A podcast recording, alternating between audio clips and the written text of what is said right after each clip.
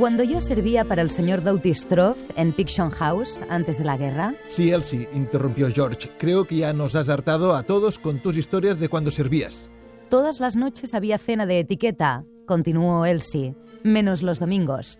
Los domingos eran el día de ropa informal y fiambres, pero los otros días de la semana había un primer toque de gong para irse a vestir y luego, media hora después, el segundo para la cena. Un paraíso inalcanzable és un fresc social de la vida en un poble de la campinya britànica, Rapston Fanner.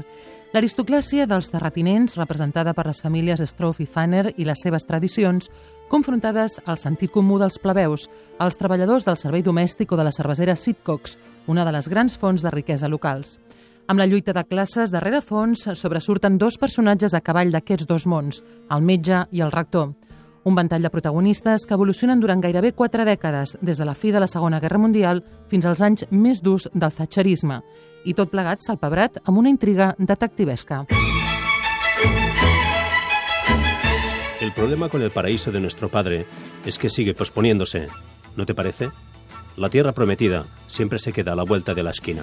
Simeon Sipcox, rector de Rapston Fanner, revolucionari, filosocialista i defensor de totes les causes, des de la lluita anti-apartheid fins al boicot nuclear, mor un dia deixant la seva herència a Leslie Titmus, ministre conservador del govern de Margaret Thatcher. Com s'explica aquest testament? Aquest és el punt de partida perquè els seus dos fills, Henry i Fred, revisin la figura del seu pare des de la rancúnia o des de la comprensió i, de pas, es reconstrueixi l'Anglaterra de la segona meitat del segle XX. No se puede cambiar a la gente, eso lo sabes. No los puedes convencer de que dejen de odiarse o de querer que el mundo vuele por los aires, al menos no andando bajo la lluvia y cantando al son de una guitarrita. Els debats entre el rector i el metge del poble, el doctor Salter, ofereixen alguns dels moments més brillants d'aquest llibre. També imperdible és la confrontació entre Leslie Titmus i la seva dona, Charlie, que han seguit camins inversos. Ell, un proletari convertit en ministre. Ella, una filla d'aristòcrates transformada en revolucionària i amant dels fish and chips. ¿Quién es el indeseable? Charlie estaba furiosa y ya no se contuvo. ¿Qué tienen de malo las patatas con sabor a cebolla? Creía que habías llegado donde estás a base de patatas con sabor a cebolla y botes de salsa barata y cenas sencillas y proletarias y ahorrando dinerito para el plan de pensiones.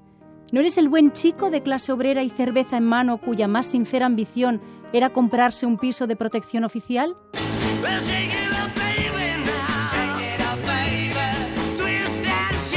Al costat de les peripècies dels protagonistes, pel llibre desfilen també els Beatles, els festivals de rock, les mobilitzacions antinuclears, la cursa espacial, els primers porros o la guerra del Vietnam. Los jóvenes del festival Pop Picton House parecían una parodia de la paz.